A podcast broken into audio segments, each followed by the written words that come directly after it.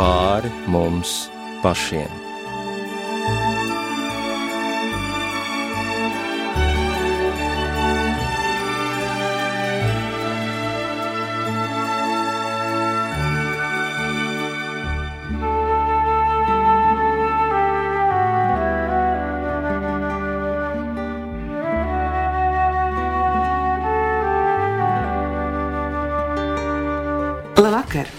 Ar jums runā Rīta Brunēvica, ēterā raidījums pāri mums pašiem.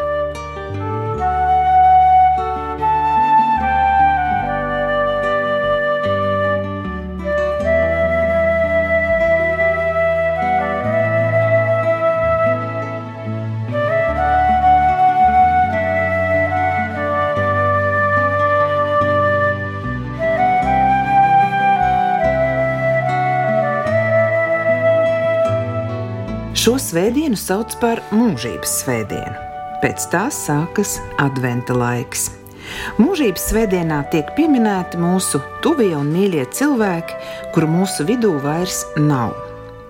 Aizdedzot svecītes pie kapa, raisās atmiņas par kopā pavadītajiem gadiem, un domas skatās arī nezināmajā nākotnē. Rodas jautājumi par atkal satikšanos, par mūžību un kur rast atbildes. Bībelē rakstīts daudz par šo tēmu. Ko tā saka par mūžību? Vaicāšu šī raidījuma viesim, teoloģijas doktoram, misionāram Jurim Doveiko. Labvakar! Labvakar.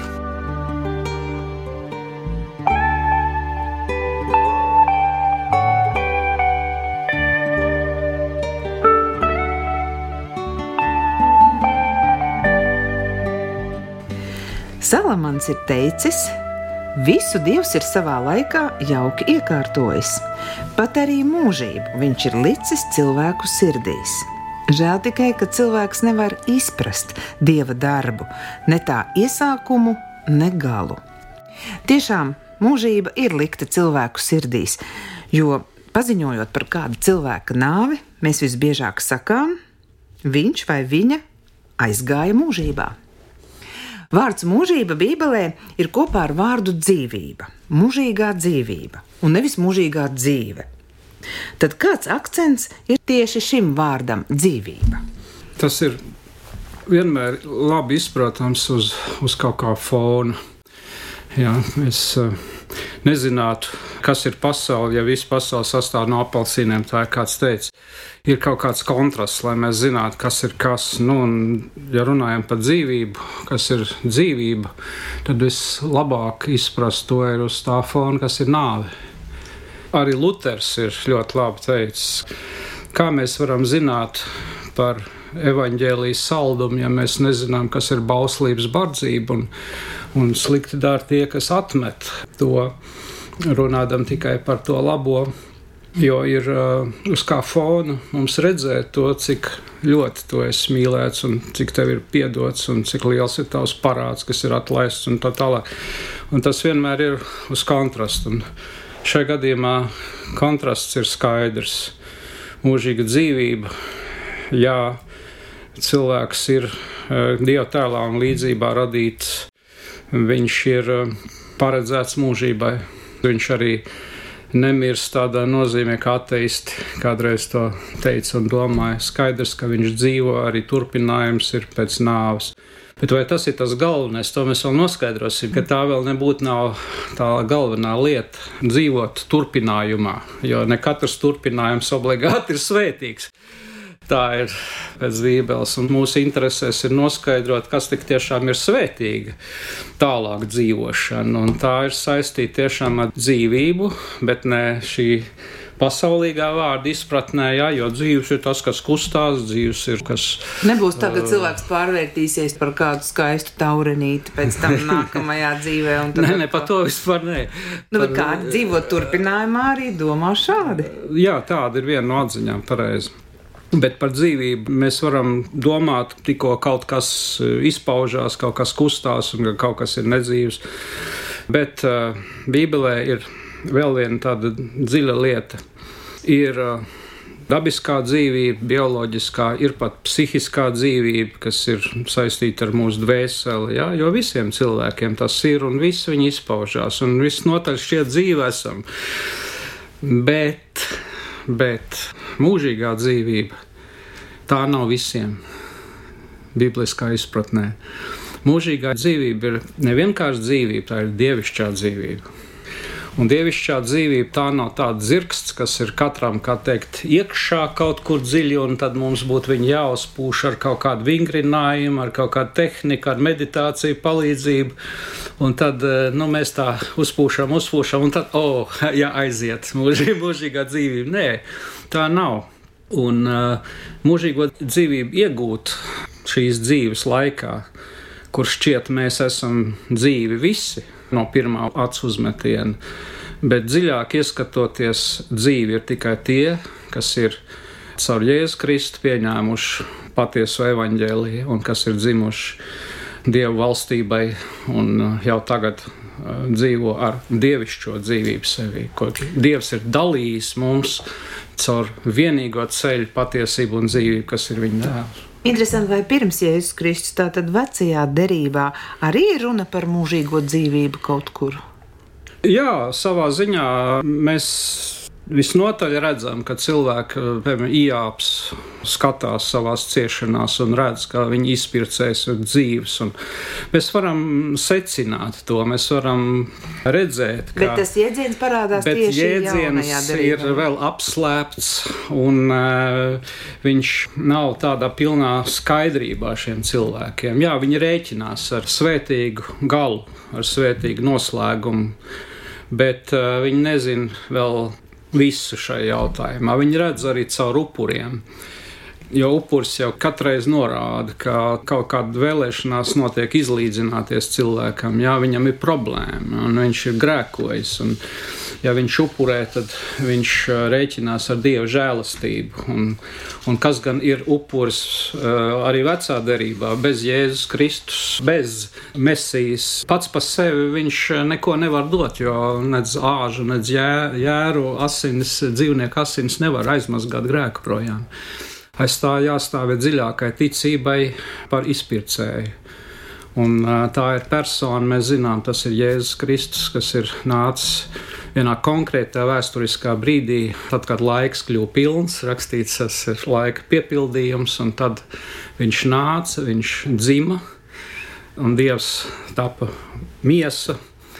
Un vārds tapa miesa, jeb tas pats, kas teikt, Dievs tapa miesa un dzīvoja mūsu vidū, pilns žēlastības un patiesības. Mēs redzējām viņu godīgi, viņš staigāja mūsu vidū, viņš izdzīvoja mūsu dzīvi, palikdams bez grēka, Un ne tikai parādīja piemēru, ne tikai izstāvēja visus tos eksāmenus, kurus gan pirmais Ādams, gan viņa pēcteči nespēja izstāvēt, nespēja nokārtot.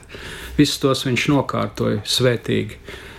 Un viņa dzīves gals vainagojās ar to, ka viņš paņēma uznes Golgāts krustā mūsu grēkus, mūsu vainu, viss, kas ir vecajā ādamā ļauns un riebīgs un samaitāts. Viņš atrisināja mūžīgās dzīvības jautājumu per se, kā saka, ne principiāli pēc būtības, un tāpēc vecās darības ļaudis skatījās uz nākotni, uz to, kas reiz būs, ticīgie vecās darbības ļaudis. Un mēs šodien, jaunās darbības laikā, skatāmies atpakaļ tādā ziņā uz, uz vēsturi apmēram pirms 2000 gadiem, kad tas notika uz šo notikumu, un mēs to pieminam. Un, un katrs, kas tam tic, ka tas ir izpirkšanas notikums, tas saņem mūžīgo dzīvību jau tagad. Un kad šķirsimies no šīs miesas, tad tā būs arī mūžība, visu mūžību. Tātad mūžīgā dzīvība sinonīms ir dievišķā dzīvība. Jā, bet, jā, arī garīgā dzīvība. Jā. Bet vai mūžība var būt bez dieva? Tas ir pats nopietnākais jautājums. Un uz šī fona mums arī vajadzētu to mūžīgās dzīvības uh, jēdzienu tā godāt un tā cienīt un tā mīlēt. Jo pati e, fiziskā ķermeņa nāve nav liela problēma vispār no, no Bībeles viedokļa. Tā nav pati lielākā problēma nekādā ziņā. Lielākā problēma ir garīga nāve. Garīgā nāve ienāk pasaulē caur Ādamu, caur Ādama nepaklausību. Un eh, tas ir ļoti konkrēts vārds, kas ir teikts. Tanī dienā, kad tu ēdīsi no šī koka, tas ir pirmā mūzes grāmata, otrā nodaļa. Tanī dienā tu ļoti spēcīgi pateikts, ar nāvi mirsi. Man šķiet, tur pat rakstīts mirdams, mirsi. Jā, latviešu pareizi. Jā, jā, tā tas jau ir tādā kāpinājumā. Jā, bet ļoti liels kāpinājums, un tā varētu tulkot arī divreiz nāves vārds te parādās. Mūt tā mūt ebrejiski, tad, tad mirs ar nāvi, jeb tik tiešām mirs, tā var teikt.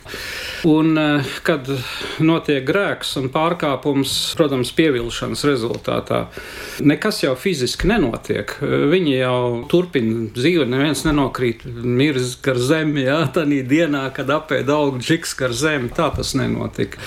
Un varētu teikt, nu redz, sātam bija taisnība. Viņš teica, nemirsiet viss. Viņš saka, nemirsiet viss, droši tikai uz priekšu nemirsiet bet kur tā nāve notika, kur tas nāves fakts iestājās? Viņš neiestājās fiziski, bet tajā dienā un tajā brīdī, kad tu pārkāpi dievu gribu, ja, respektīvi Ādams, un mēs bijām viņā, kā cilvēks potenciāli, visi mēs bijām. Un, uh, mēs pārkāpām, pārkāpām Dieva skaidro vārdu, viennozīmīgi, ka tev nebūs to darīt. Un tajā brīdī iestājās nāve. To ir grūti saprast. Un, protams, ka daudz to nemaz nepieņem. Viņiem šis pasaules uzskats ir pilnīgi svešs. Kas tur mīti kaut kāda, ne leģendas kaut kāds pirmais Jā. cilvēks. Daudz vispār tic, ka tur no evolūcionēs viss ir no, no, no nedzīvā uz dzīvā. Tā kā tie uzskati ir ļoti daudz, bet Bībele, ja tu jautā par Bībeli, jā, tad es ticu katram Jā. Bībeles vārdam, un es ticu arī, ka tas jāņem burtiski, kā tur stāv rakstīts. Tanī dienā un tanī dienā iestājās garīgā nāve šiem cilvēkiem. Kā viņi izpaužās? Garīgā nāve galīgi neizpaužās tajā faktā, ka cilvēks jā, saka, nokrīt gar zemi beigts. Tas neizpaužās arī tajā, ka viņš vispār nav reliģijos, tas arī galīgi nav obligāti. Viņš var būt aizvien ticīgs, bet kādam gadījumā. Nav spējīgs nožēlot grēkus, nav spējīgs redzēt patiesību par sevi. Viņš slēpj uzreiz redzams, aizslēpjas, taisa visādus trikus. Un uh, noveļ vainu parasti uz visu ko citu, tikai ne sevi. Ja? Tāpat rīkojas arī Ieva. Visi tie apstākļi tik tiešām tādi arī ir. Jā, tur sievas faktors bija, tātad čūskas faktors arī bija, protams. Bet uh, Dievs grib, lai tu uzņemies atbildību par to, ko tu pats esi darījis. Tev bija atbildība nedarīt, un tu to izdarīji, un viņi to nevar. Mēs redzam pirmās garīgās nāves skaidrās pazīmes. Cilvēks nav spējīgs nožēlot grēkus vārdu īstajā nozīmē. Nu, viņš sāk novelt atbildību uz citiem. Un principā tas nozīmē atsvešināšanos no dievišķās dzīvības. Tas nozīmē sadraudzības pazaudēšana ar Dievu. Un, ja cilvēkam pazaudēta sadraudzība ar Dievu, zina, kas notiek? Vienīgais dzīvības avots, patiesās dzīvības avots ir tikai Dievā. Un pārējais viss ir radība. Nu, viņš ir radījis daudz skaistas lietas, bet tas nav dzīvības avots, tas nav fontāns, tas nav no kā plūst mana īstenā dzīvošana. Tas ir tikai laicīgs, pagaidām. Jā, es varu padzerties ūdeni, es varu iest barību, es varu arī emocionāli uztankoties ar kādu labu filmu, bet tas jau nepaliek. Tas ir tas, kas aizvējojās prom. Un īstenais avots dzīvībā ir Dievs. Pazaudēt attiecības ar Dievu caur grēku, kas ir ienācis, un nevarēt šo grēku arī nožēlot, nevarēt arī šķīstīt viņu nozīmē pazaudēt uh, mūžīgo dzīvību. Stāstā par Ādamu. Es arī saklausu mūsdienas, jo tieši tāpat mums ir Dieva vārds, vai ne? Bībele. Un tur ir teikts, kas ir labs, kas nav, ko tev būs darīt, un tev būs labi, ko tev nebūs darīt. Un būs slikti grēka alga, nāve. Nu jā, un tieši tas pats. Nav tā, ka tas bija pirms daudziem gadiem, tā bija. Nu, tagad ir tieši tāpat. Jautājums ir, ko lai mēs darām? Ko darīja Ādams? Viņš nevarēja nožēlot, teica. Viņš tika izdzīts. Jā. Un viss, un ko tad darīt mums, kas arī esam, protams, sagrēkojuši, jo nav tāds cilvēks, kas nebūtu grēkojis, manuprāt. Mm -hmm. Bet arī nav tāds cilvēks, kas neiekā, nu, varbūt ir tādi, bet man šķiet, ka pārsvarā to mūžīgo dzīvību cilvēks vēlas. Nu, Viņš nu, ilgojas tad, nu, pēc nevēl, tā. Nu, jā, tad tur būtu tikai retais, kas teiks, nu, ka man neko tādu nevajag. Es gribu izbeigties uz visiem laikiem. Un, jā, viņš ir bravūrīgs, tad tajā stundā, kas nāk, tad viņš ir diezgan parāda, ka tomēr tas ir viņam bijis svarīgi. Labs jautājums Rīta un pēc būtības. Es teiktu, vajadzētu pirmkārt arī apzināties to. Saprast, atgriezties pie Bībeles patiesības, noraidīt visas citas patiesības, jo mēs dzīvojam melu pasaulē, un tie meli sūcās iekšā pa visiem kanāliem, visiem veidiem. Tas ir liels izaicinājums šodien. Palikt patiesībā, palikt vārdā, palikt evaņģēlī patiesībā. Un tas būtu pirmais, kas būtu, kas būtu svarīgi apzināties, kāda ir šī situācija. Tāpat kā mēs pie ārstējam, nu, mums ir vajadzīga diagnoze uz dūlo, neviens neārstējas. Man nu, kaut ko vajag, man jā. Nu, jā, bet pret ko un kas un kādas zāles un kā terapija. Tā kā vajag zināt, nu, cik ļauns vai labs ir tavs stāvoklis, lai ar to tad sākt operēt. Nu, un pirmais, ko vajag tik tiešām saprast cilvēkam pēc svētā gara gaismā, viņš pats maz īsti nevar izdarīt tā gluži uz sitienu. Cilvēku visbiežāk ir tāda moralizēšana nedaudz saistīta, un viņš jau zina, ka kāds grēciņš jau no katram ir kaut kur azotē. Bet viņš saka, es jau Dievu nezaimoju, es jau bankas neesmu aplaupījis, neesmu izvarojis. Neesmu. Bet kas būtu svarīgi? Nevis tādā moralizēšanas līmenī palikt, un tad jau Gan jau Dievs uz to neskatās, tā varbūt eh, es kaut kā tikšu galā tiem maniem maziem grēciņiem, palabošu, paremontēšu. varbūt ar psiholoģiju, varbūt ar, ar kaut kādu sakramē. Nu, kā nu kurš, kā nu kurš. Bet tā situācija ir, ir visai baisa, kāda viņa ir. Svētais gars atklāja, kāda ir tā normāla Ādama situācija. To reti kurš gribēs paticēt. Jāņa Vaņģelī 3. Jēzus saka Nikodēmam, kas ir eh, farizējs vai vadošais Izraels skolotājs. Viņš saka, tev būs piedzimt no augšienes. Kā tas ir? tu Izraēla mācītājs to nezini. Un redz, tā var būt, ka viņš nezina to situāciju. Viņš turās gan pie reliģijas, bet viņš nezina, kas ir dzimis no miesas, ir miesa. Kas ir dzimis no gāra, ir gars. Situācija tāda, ka miesā dzimušais cilvēks, nu, viņš ir jau, kas saka, dzimis nāvē. To nevar vienkārši pieņemt. Ir vajadzīgs tas svētā gara spēks, lai to varētu saprast pirmkārt un noticēt tam, ka tā ir pareiza diagnoze. Jo es pats sev dodu citu diagnozi. Katrs ir tāds, kas tiecās sevi mm -hmm. redzēt vienmēr labākā gaismā. Svētais gars parāda, kas ir miesa un nāve. Tāda ir mana eh, dabiskā realitāte - nāve. Kāpēc? Kā es varu to vēl pamatot? Evanģēlijā Jēzus, piemēram, 8. nodaļā, viņš saka vienu vārdu, tādu ļoti spēcīgu vārdu. Ļaujiet eh, saviem mirušiem aprakt savus mirušos. Tu seko man un atļauj miroņiem aprakt savus miroņus. Ja tas nebūtu Jēzus, kas to saka, Jā, tad cilvēks ir cilvēks. Mironis ir mironis, ko viņš vēl var aprakt. Jā, tas ir viens, bet vai tā ir? Tas izklausās pārāk pesimistiski un pārāk nepieņemami. Ja tas būtu kāds cits, kas to teica, mēs noteikti neklausītos. Bet Jēzus to teica. Un tad tas ir nopietni. Tad miroņi aprok savus miroņus. Tas nozīmē, ka sabiedrība ir miroņa sabiedrība un eh, visiem trūkst, radikāli trūkst dzīvības. Bet ko tieši viņš domāja, sakot, aprok? Nu, apglabā. apglabā tad, nu, tad, tur bija gadījums konkrēti, kad jā, es tev sekošu, kungs, bet nu, ļauj man pa priekšu apglabāt savu tēvu. Tas nozīmē, nu, ne jau bērns uzrīkot, bet pabūt kādu laiku tur.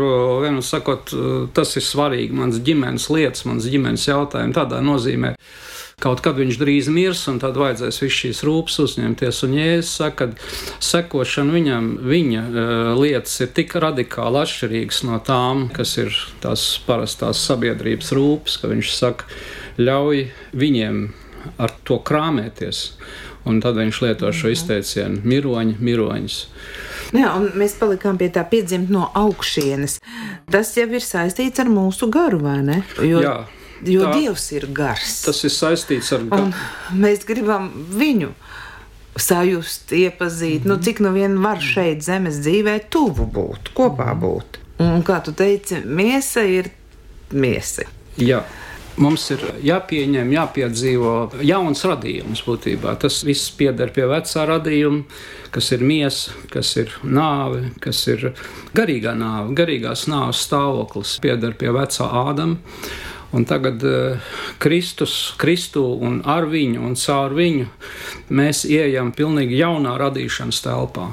Tas nav vecā cilvēka uzlabojums ar dažādām metodēm, nu, kādas tik tur ir. Ir citas reliģijas, kas vispār piekop daudz un dažādas veidus, kā uzlabot, kā pacelties kaut kādā garīgumā, kaut kur kaut ko tādu sasniegt. Un vienalga, kādā reliģijā un kur. Bet veco Ādamu nevar uzlabot. Viņš nav tādā veidā restaurējams. Pat ja šķiet, ka tas tā ir, varētu kādā reizē teikt, kādam izdodas kaut ko tādu mainīt, ir spēcīgas tehnikas, metodas, bet tad uh, pēc kunga Jēzus Kristus vārdiem tev ir jāpiedzimst no jauna. Labi, un ja tas nenotiek, nu, teiksim, cilvēkam tas nešķiet saistoši, kas tad, vai viņš arī dzīvos mūžībā?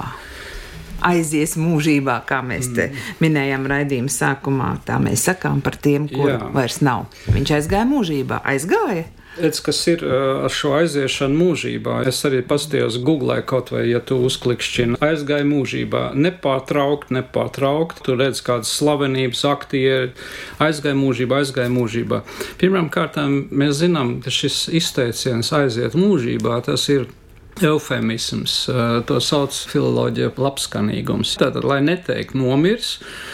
Mēs sakām kaut ko daļāku. Jā? Jā, tautas nemaz tā nesaka, vai ne? Tas ir, manuprāt, latviešiem raksturīgi. Tu zini vācu valodu, vai vācieši tā saka?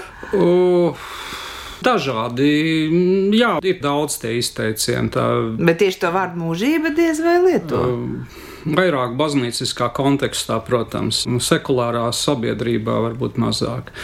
Bet ko es ar to gribēju teikt? Aiziet mūžībā, tā ir labskanība. Un labskanība lieto tur, kur negrib skaidri pateikt kaut ko citu. Tas, kas mums nepatīk, no tā mēs gribam izvairīties. Un mēs negribam šo vārdu nāve, mēs negribam nomiršanu. Tā nav nomiršana. Tas ir, mēs gribam, lai viss būtu labi. Lai būtu forši tālāk, jebkurā gadījumā. Jā, viņš Nu, bija labs tu- cilvēks, tu viņam saki- mūžība.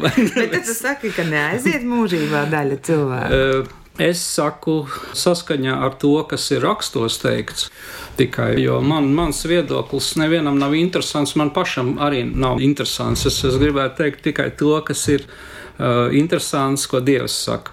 Jā, turpinoša dzīve pastāv jebkurā gadījumā. Tas, kas ir radīts, viņš nekur netiek uh, anihilēts, kā saka, iznīcināts, nepazūd. Tas nav tā kā datorā čiks pazūd fails. Nē, fails nepazūd, tu turpini dzīvot tikai, kā ebreju vēstules saka, ļauts vienreiz nodzīvot, pēc tam tiesa. Ja? Pēc tam jādod atskaiti par to, ko tu esi šajā dzīvē darījis.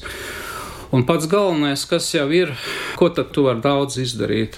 Tu nevari izdarīt garīgās nāves stāvoklī, kur miroņi aprok savus miroņus. Tu, tu tur nevari ne savā spēkā, ne savā uh, gudrībā, emocijās. Pat ja tavs veikums būtu vislielākais pasaulē, tad Kristus saka, nu traki ir iegūt visu pasauli un pazaudēt savu dvēseli mūžībā. Tātad tā ir viena tāda pievilšana liela, ka cilvēki domā, ka šīs pasaules sasnieguma un ieguvuma tas nu, ir kaut kas, kas pats par sevi rada vērtību, tālāko vērtību. Nē, vērtību rada tikai viens.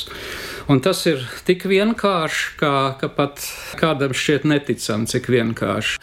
Dievs ir uh, sūtījis savu dēlu un samaksājis par mūsu grēkiem. Mēs tur neko nevaram izdarīt, neko nevaram mainīt. Mēs varam to ticībā pieņemt. Mēs varam Dievu godināt ar to, ka mēs pieņemam viņa ceļu, kā viņš ir paredzējis, lai mēs iemantojam mūžīgo dzīvību. Bet kur tad aiziet tā daļa, kas netic Jā, tam, ko mēs stāstām? Es gribu atpakaļ. zināt, kur Jā, aiziet. pirmkārt, stāvēs, katrs stāvēs tiesas situācijā. Tiesa Tad ir, viņi arī aiziet tomēr mūžībā. Visi cilvēki turpina dzīvot pēc nāves. Tāpēc, ka ķermenis ir salīdzināts ar, ar telti laicīgu telti, kas dzīvo 70, ja kāds stiprs 80 gadu, bet vispār tas mūžs nav pārāk liels. 90. psalms saka, mēs visi skrienam. Tātad ne pārāk ilgs laiks, un tad, tad ir atskaita. Bet dot pašam atskaiti par saviem grēkiem nozīmē ko? nozīmē nespēt viņu dot, jo nav neviens, kas viņus var izpirkt. Es nevaru viņus izlabot, man nav tāds instruments, ar ko es varu. Bet dievam ir tas ir Kristus asins, kas vienīgais man šķīsta no grēkiem. Tāpēc, ja es eju tiesas priekšā bez Kristus, tas nozīmē pazust. Nevis izzust, nevis pārstāt eksistēt, tie ir lieli maldi. Pazust nozīmē pazust no dieva vaiga, e, neredzēt dzīvības vairāk, nesaņemt nekad dzīvību, mūžīgi nesaņemt dzīvību, nekad vairāk, jā, būt mūžīgi nošķirtam. To sauc rakstu par elli, un elle nav pazušana Elle nav uh, eksistences izbeigšanās, tā ir uh, bēdīga eksistence, bēdīgs, ārkārtīgi traģisks eksistences turpinājums. Un tas kungs nevēlas, lai jebkāds pazustu. Tāpēc viņš saka, Dievs tā ir pasaule mīlēs, ka viņš atdevis savu vienpiedzimušo dēlu, lai katrs, kas viņam tic, neiet pazušanā. Un tas to nozīmē, lai viņš neiet tajā vietā, kurā vairs nav atgriešanās. Bet tagad ir laiks, tagad ir labvēlīgais laiks, tagad ir pestīšanas diena. Satvert, nenodarboties ar eufēmismiem, nemānīt sevi ar to, nu, nenomieru aizgāja. Nē, tagad tu vari izlīdzināties ar, ar savu dievu un viņa dēlu. Jēzus Kristus nāvē un augšām celšanā. Jūs klausāties raidījumu pāri mums pašiem.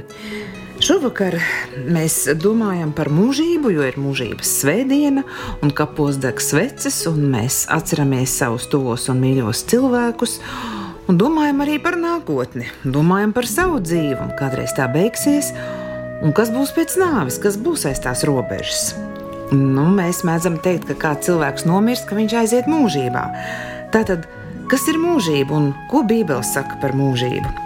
Par to mēs runājam šovakar ar teoloģijas doktoru, misionāru Juri Doveiko.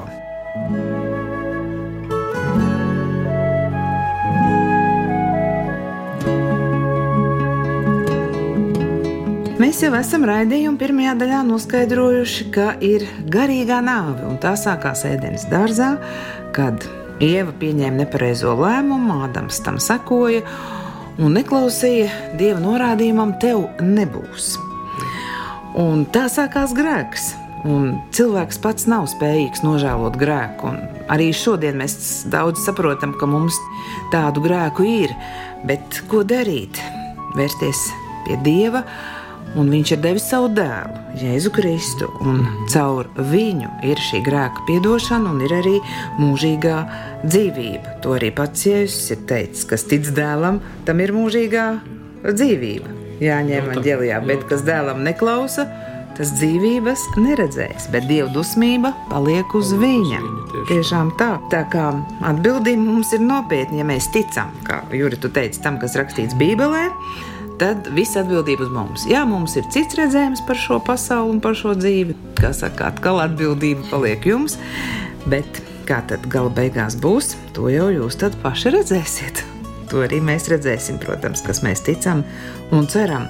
Un tā tad mūžīgā dzīvība, tā ir dievišķā dzīvība. Ja, kā tu jau teici, ka tas iet tikai kopā ar Dievu, kad mēs sakam dzīvība. Bet mūžīgā dzīve Jā, pareizāk sakot, mūžība. Ja, ja, bet... ja mēs dzīvību tādā veidā dzīvi, tad tā ir vienkārši nebeidzamība, ja? ne, nebeidzama turpinoša jā. eksistence. Jā, bet varbūt, varbūt brīnišķīga eksistence, ja kopā ar Dievu, un varbūt, kā tu teici, bēdīga eksistence. Jā, jā. Tā ir tā mūžīgā jā, bēdīga, uh, dzīve, jā, dzīve, bet viņi var būt ļoti, ļoti dažādi. Tas atkarībā no jā. tā, kā mēs jā. pret to visu izturamies.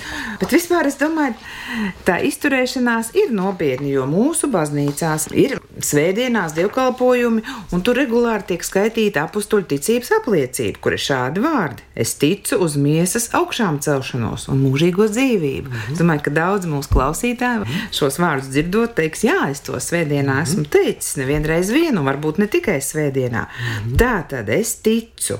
Nu, ja ir miesas augšām celšanās un mūžīgā dzīvība, tad viss, ko mēs šeit stāstām, ir patiesība. Tā ir Bībele, kas to saka, ne tikai mēs ar tevi to izdomājām. Tātad miesas augšām celšanās mazliet vairāk par to, kā to saprast, Jūri. Jā, šeit ir uh, divas, varētu teikt, augšām celšanās nosacīt runājot. Garīgam mironim, kāds arī raksturots cilvēks vispār, kritušais Ādams ar visiem saviem pēcnācējiem dzīvību ir lielākā viņa vajadzība. Daudz saka, citas lietas ir ziedoša sabiedrība un labklājība. Nē, lielākā vajadzība ir dzīvība. Tā ir radikālā vajadzība. Un dzīvība nāk, kā jau mēs teicām, caur Kristu. Tad viņi nāk konkrēti runājot caur evaņģēlīju. Kad cilvēks to satver, tad viņam ir reakcija uz to. Un to Dievs prasa. Tas nav tā automātiski, jā, pietušana. Automātiski. es paskaitīju kaut kādu peršiņu, vai, nu, nē, es ļoti mīlu ticības apliecības, es viņus skaitu pats un es iesaku citiem, bet ir atšķirība, kaut kāda formāla noskaitīšana un, un sirds, kas tajā pukst un dzīvo.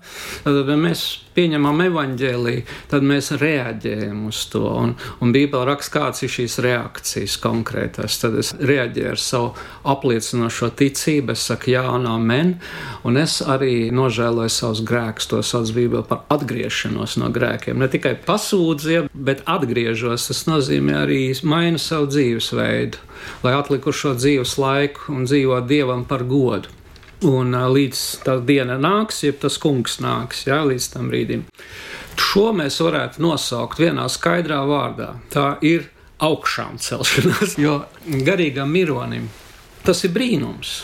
Neviens nevar ne piedzemdēt sev pats, kad viņš vēlās. Viņš nevar arī ņemt un pats sev augšām celt lai arī viņam līdzdalība tajā ir, bet nu, viņš nevar tā ir dieva žēlastība. Un tā nāk, un cilvēks piedzīvo jaunu dzimšanu, viņš piedzīvo ne mazāk, ne vairāk kā augšām celšanos. Tas ir viens, kuram ir jābūt uh, jau tagad šīs dzīves laikā, šī garīga augšām celšanās, ticība, atgriešanās un nodošanās dievam.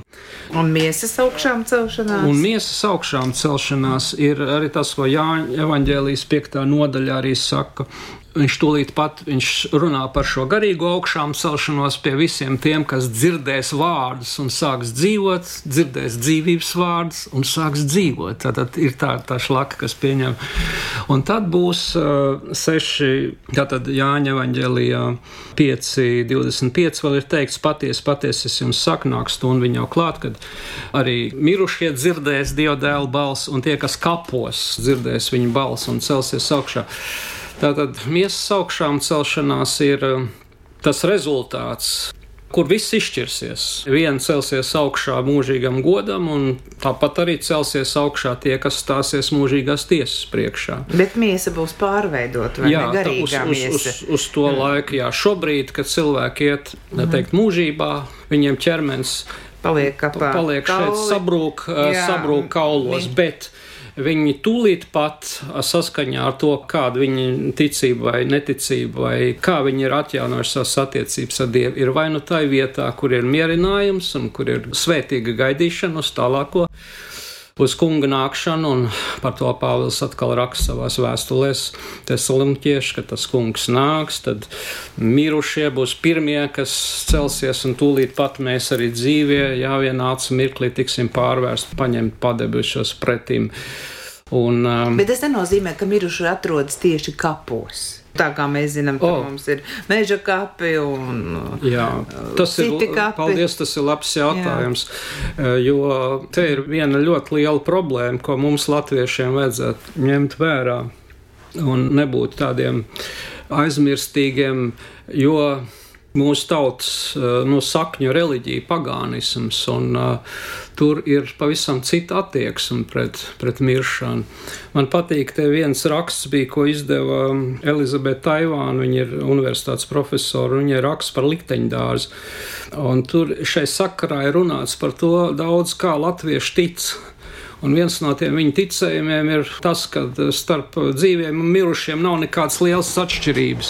Nu, viņš nomirst, nu nekas, vai ne? Tā nav liela problēma, jo viņš nevis kaut kur tur zem zemes vai debesīs, bet viņš turpat pārvācies ir smilšu kalniņā. Tur tās saiknes starp dzīviem un mirušiem ir ļoti, ļoti reāli, un tad ir laika, kad viņi atkal tie vēlīši nāk, un tad viņus ir jāpabaro. Un, Viens saka, te uzturēt saikni, un te ir šausmīgi maldi kas ir kaut kur latviešu sirdī, arī šī kapa kultūra milzīgi spēcīga. Ja tātad kapos nav, ja tu gribi teikt? Jā, pēc bībeles katrā ziņā, pēc dieva vārda mirušais nav nekādos kapos. Un tur nav ko ne bērt virsū, ne likt kaut kādu ēdeņu, nedz arī uzņemt saikni kaut kādu, ja tu skapsēt un tur kaut kā sarunāties ar viņu. Ja to pat kāds var darīt, tad viņš neuzņem saikni mirušo, viņš uzņem saikni kādu familiāro garu, kas tur um, darbojās.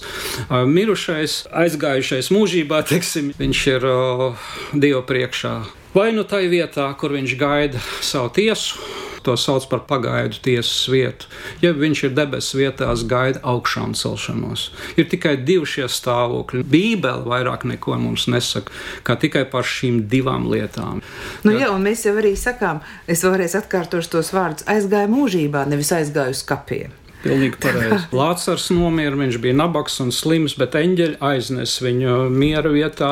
Bagātais nomira, viņš mocījās Ellē. Turpat rakstīts, vai ne? Un Ellē bija ar pilnu apziņu, un viņām bija žēl, un viņš pat gribēja, lai Ābrāms aiziet un pasaka tiem viņa radiniekiem, kad bēdīgs gals būs, ja viņi tā turpinās dzīvot. Bet pavēlu, starp mums un jums ir liela barjera, kur nevar neviens pārkāpt. Tā kā par šīm divām vietām ļoti skaidri raksta runā. Un kas tad mums palīdzēs aiziet uz mūžību? Kādi varētu domāt, tie būs tie labie darbi? Varbūt uh, kādam ir pārliecība, ka grēku nav, bet ir daudz labo darbu. Un arī Bībele saka, tiem, kas neatlaidīgi dara labu, Dievs dos mūžīgo dzīvību. Tātad, vai labie darbi mums palīdz aiziet uz mūžību? Jā, labie darbi palīdz paši par sevi. Es, es neesmu pret labiem darbiem, slavu Dievam par viņiem, bet tad Kristum nevajadzētu nākt, ja varētu vienkārši pacensties labāk un uh, rastos iespēja darīt vēl vairāk šos labos darbus, un tad jau Dievs paskatītos, ka jā, uz svariem ir tik daudz to labo darbu, ka viņi pārsver tos sliktos. Nē, tāda nav evaņģēlīja vēsts. Evaņģēlīja vēsts saka, visiem trūkst godības, visi ir grēkoši, nav neviena laba. Nav neviena laba. Romiešu trešā nodaļā.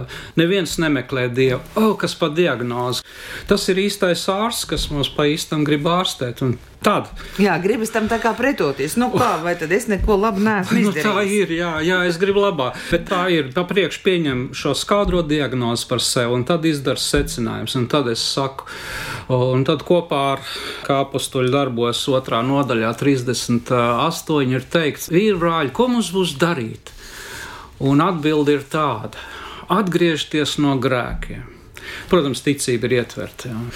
un liekaties kristīties uz grēku piedošanu. Tātad šīs divas lietas sagādā cilvēkam izēju, reāli praktiski izēju. Tātad atgriezties no grēkiem un likties kristīties kā atbildi uz dzirdēto evaņģēlīju. Un tad rakstīts ir, un jūs saņemsiet svētā gara dāvana. Tad nevis vienu no dāvanām, bet pašu svēto garu saņemsiet kā dāvanu. Tātad lūk šīs lietas.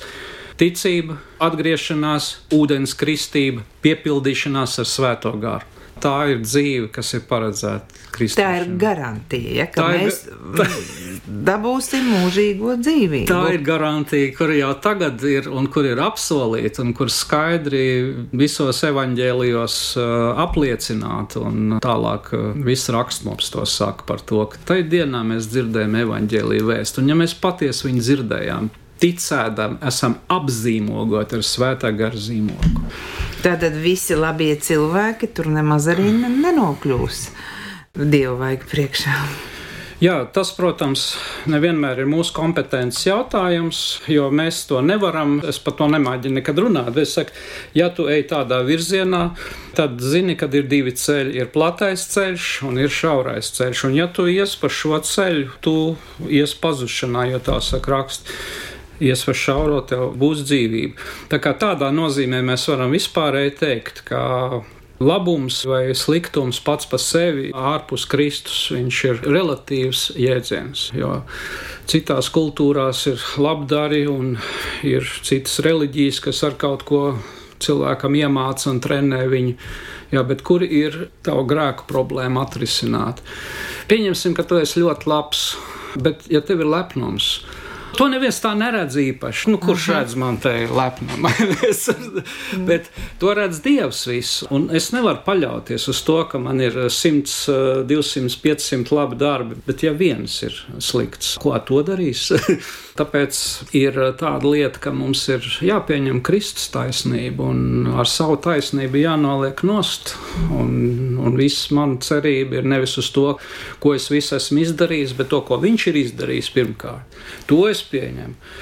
Tas man tiek piedāvāts par taisnību. Un tad uz šīs bāzes, protams, es pastāvīgi darīšu labu, un es nesarūktināšu manu pestītāju, un es centīšos palikt vienmēr uz nevainojamības ceļa. Ja? Bet viss, viss ir savā vietā. Pirmais nav tas, jo es saku, ir tāda garīga grēka un tādas garīgas problēmas, kuras nav redzamas nevienam, un viss tevi slavēs, mani slavēs, bet uh, Dievs skatās uz to savādāk. Un, uh, šīs garīgās problēmas mēs tā jokot kādreiz askezē, asketiskās mācībās mirst 5 minūtes pēc nāves. Viņš, kas saka, ir ļoti spēcīgs. Un tāpēc labāk nepaļauties uz kaut kādu savu taisnību, jā, jo, ja es saku, tas ir kā sapačkāts apģērbs, man viss man taisnība un viss man lepošanās ar kaut ko. Par tiem labiem darbiem man vēl nāk prātā turpinājums, kas rakstīts svētos rakstos. Tātad tiem, kas neatlaidīgi dara labu, meklē godu un atzinību Dieva priekšā. Mm -hmm. Tiem viņš dos mūžīgo dzīvību. Bet tas jau ir tas, ir tas jā. rezultāts. Tiešām. Pats par sevi jau tas ne, jo ne, nevar būt. Atzinību Dieva mm -hmm. priekšā, nu kā? Tas ir tad, kad viņš ir caurskatījis visu un šķīstījis, tīrījis, mazgājis jā, tevi. Jā. Un tad ir viss, tad ir viņa atzinība, tad ir arī gods vēl pie tam mums nāk klāt, gods no Dieva. Tas ir kaut kas arī man šķiet ļoti īpašs. Un... Kā, tad ir, ir taču arī mūžībā ir dāvanas, un arī godalgas ir tāpat uzslavēta uzticība, ir tāpat uzslavēts Jāņa atklāsmes grāmatā viens līdz trīs te, kas uzvar, kas uzvar. Tā mēs dosim. Un, un vispār mūžīgā dzīvība ir Dieva balva. Pirmkārt, Dieva balva, jā, bet viņi ir arī jānotur Un, tā nav tāda lieta, ko es tā iebāžu kabatā, vēsu vai ne. Es saku, paldies, kā kaut kāda. Aiznes uz māju, man uzcienā, jā, uzcienā konfekti, es saku, ej tālāk, jā, paldies par to. Nē, nē, tā, tā ir augstākā vērtība, augstākā manta, augstākā dāvana, tāpēc arī es attiecos.